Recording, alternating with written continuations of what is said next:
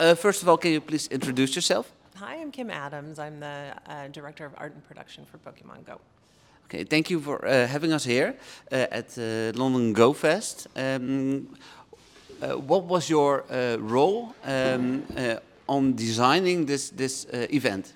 Oh well, I left that to the live uh, the live team actually, and they're uh, masters at designing these kind of events. But we always work collaboratively together on on what the days are going to look like.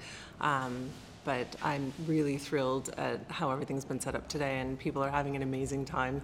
I love just walking in in the morning and hearing everybody and seeing the whole range of people from little children in strollers all the way up to folks in their 80s who are excited because they're catching shinies. so Yeah. it's been amazing. We go just to routes uh, to start with.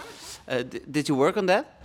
Uh, well, my team worked on that, yeah. So I uh, I work with both art and production. So yeah, a lot of my my team members and I worked on on routes. Very excited about that feature.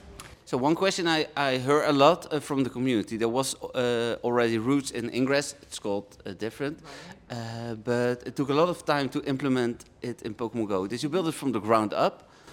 Yeah, well, I think we're always building on back of the technologies that are already developed, right? So um, it was a, a, a long process. It, it was it's been a long-awaited feature, right? So we're super excited to see it come out, and the reception has been amazing. I mean, just in the few the first few weeks, there's been routes walked millions of times, literally. So uh, we're we're really excited to finally have it out into the world after such a long time talking about it.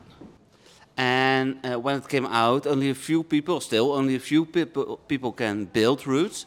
Uh, was that uh, uh, on purpose, and why uh, was that choice made? Yeah, I think we certainly want to um, introduce things like that in stages instead of at massive scale at first. So um, yes, we like to introduce a feature and, and see how it does before accelerating. And now we're working. We were completely blown away by the reception, and we're working uh, incredibly hard to get as many new routes approved as possible. Yeah, great. I'm one of the people who can build routes. I was in Las Vegas where I built my first route, and one of my routes is it was declined in Las Vegas, but one of my routes is in, um, on Alcatraz Island. So it's it's great as a as a holiday of a vacation memory that I've built a route on Alcatraz Island. I love that. The first one that I built was uh, I do a morning hike with my dogs. I live in the hills, and um, there's a POI right at the top of the hill, and so I do this morning loop, and it kind of goes by this little gnome village that the, the neighbors built, and it's been my all the way through COVID. It was my favorite uh, trail, and I, I'm so happy to share that with my neighborhood because I, I feel like I go a real special way. So that's the first one that I did. Yeah, great. A lot of new features in Pokemon Go showcases as well, of course. Uh, I love showcases uh, uh, also. Uh, so far, we only have seen big size Pokemon. Are you planning on doing anything else? On big size Pokemon, oh, in the showcases, oh yeah, there's a, whole uh, whole interesting rollout coming. So don't worry about that. Anything you can say? I would say we're really committed to uh, making all of our features as most fun as possible for all of our trainers. okay, thank you. Um, um, looking at um, uh, the future, um, Pokemon Go uh, uh, has to be a forever game. Uh, Philip told as well this morning.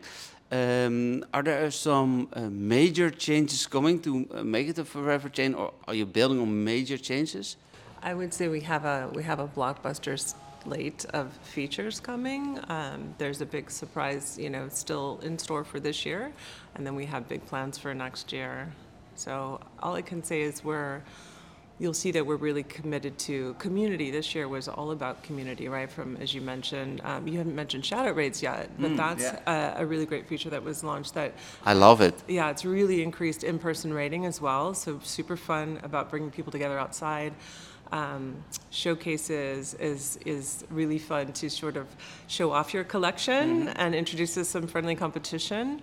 Um, routes obviously is a new bringing a whole new value to the game by allowing trainers to to share new ways of exploring with other trainers, which is really empowering. So, um, and then of course the heart of Campfire is is connecting people all together to play. So this year's re- very much about community.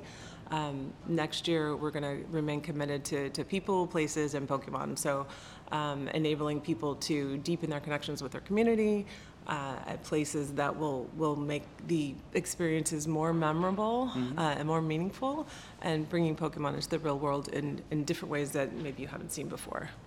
Okay, great. Um, uh, one question I got uh, when I told someone I'm, I'm going to interview uh, you here was um, there are not a lot of accessibility options in the game right now. Is that stuff you're working on or, or thinking about? Yeah, I mean, we're always looking at the experience of all trainers. Uh, accessibility is really important to us. Um, you'll see that in, I think it was last October that we expanded the number of spawn points by like two and a half billion uh, to reach people in more rural communities as well. So it's always something that we're thinking about.